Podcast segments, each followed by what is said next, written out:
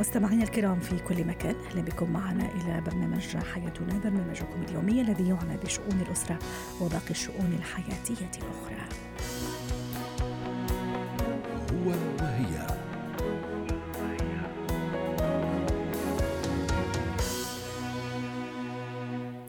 للسعادة مفاهيم كثيرة وكما لها مفاهيم كثيرة لها طرق عديدة أيضا للوصول للشعور بالرضا والسعادة. نتحدث اليوم كيف تكون الزوجة أما سعيدة؟ للحديث عن هذا الموضوع تنضم إلينا عبر الهاتف من بيروت ميسون حمزة الخبيرة النفسية والأسرية يسعد مساك أستاذة ميسون. كيف أكون أما سعيدة؟ أهلا بك وبجميع المستمعين.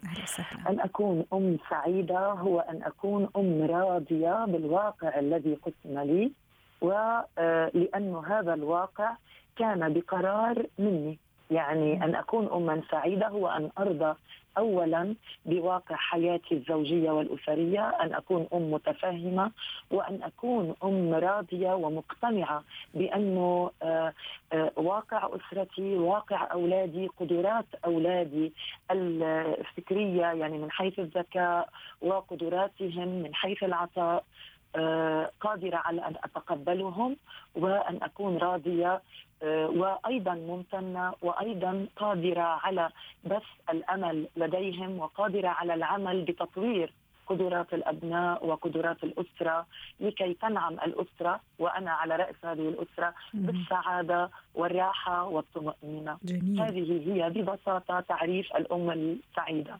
أو كيف تكون اما سعيدة، ذكرتي حضرتك مصطلح مهم جدا، أنا أتصور كل أم نعم. آه، تتمتع به طبعا في تفاوت إيه بس يعني هذه نقطة أساسية في كل أم اللي هو العطاء. ست ميسون آه، نعم. العطاء إلى نعم. أي درجة يجعلني أما سعيدة لما أعطي أولادي آه، يعني سواء شيء بسيط ولا شيء كبير لما أسهر مشان راحتهم لما أطبخ نعم. ممكن أكلة يحبوها لما نعم. لما إلى أي درجة هذا نعم. الشعور بالعطاء يعطيني نعم. رضا داخلي عزيزتي عزيزتي آه هنا علينا أن نميز بين أمرين مهمين جدا أن أكون أم يعني نحن دائما نربط موضوع الأمومة بالعطاء اللامتناهي. لأن الأم فعلا عندما ميزها رب العالمين ميزها بتلك القدرة على العطاء وتجدد العطاء لديها سواء كان عطاء عاطفي أم عطاء معنوي أم عطاء مادي. نعم. آه والأم آه، ككائن عاطفي تنسى. يعني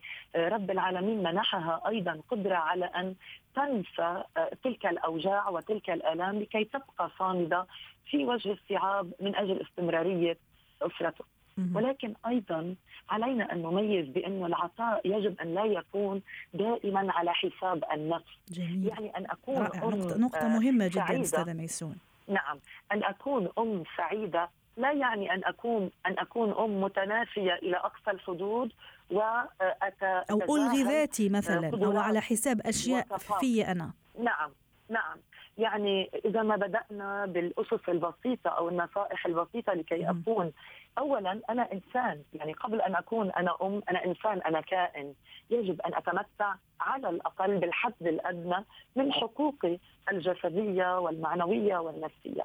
الأم التي تسهر على راحة أسرتها يجب أيضا أن تعتبر نفسها آه، آه، مدماج أساسي للأسرة، يعني من ناحية النوم، الغذاء، الاهتمام بالصحة، الاهتمام بال بما يقدم لها أبسط أسس الراحة لأنه عزيزتي لا يمكن أن أمنح السعادة إذا لم أكن سعيدة.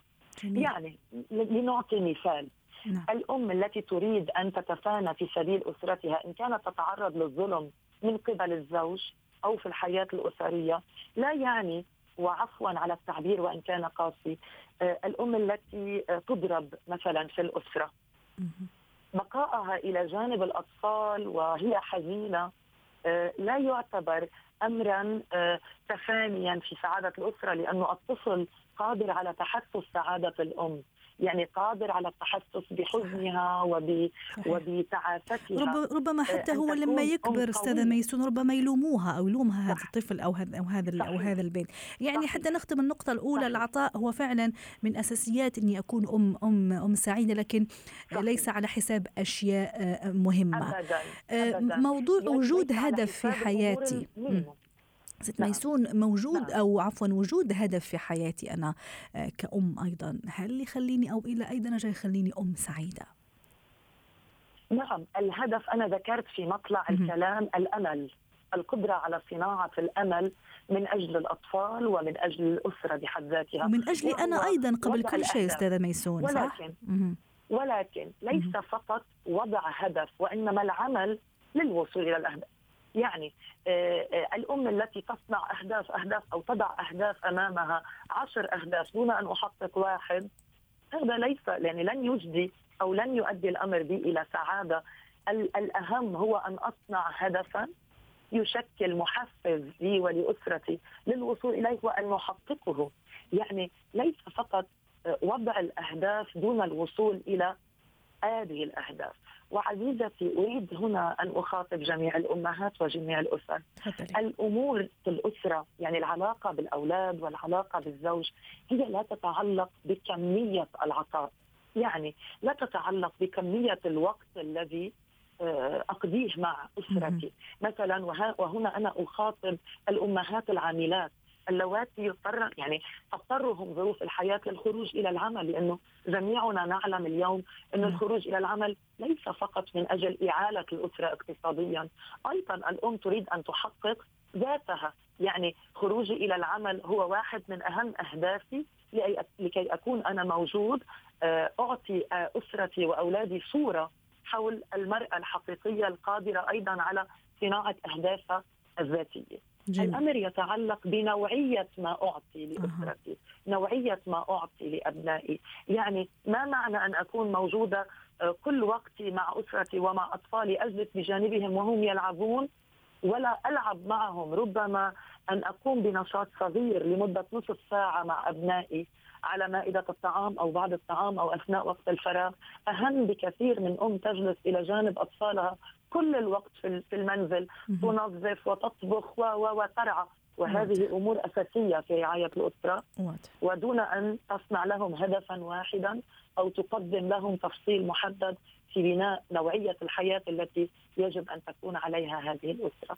عندما نتكلم عن نوعية العطاء نحن نتكلم عن شخصية أم واعية ناضجة صابره قادرة على تخطي الصعاب وقادرة على مساعدة أسرتها زوجها وأولادها في تخطي هذه الصعاب. وهذا يتطلب حكمة وعي صبر قدرة على الاستمرار وقدرة على تهوين تسهيل الصعاب.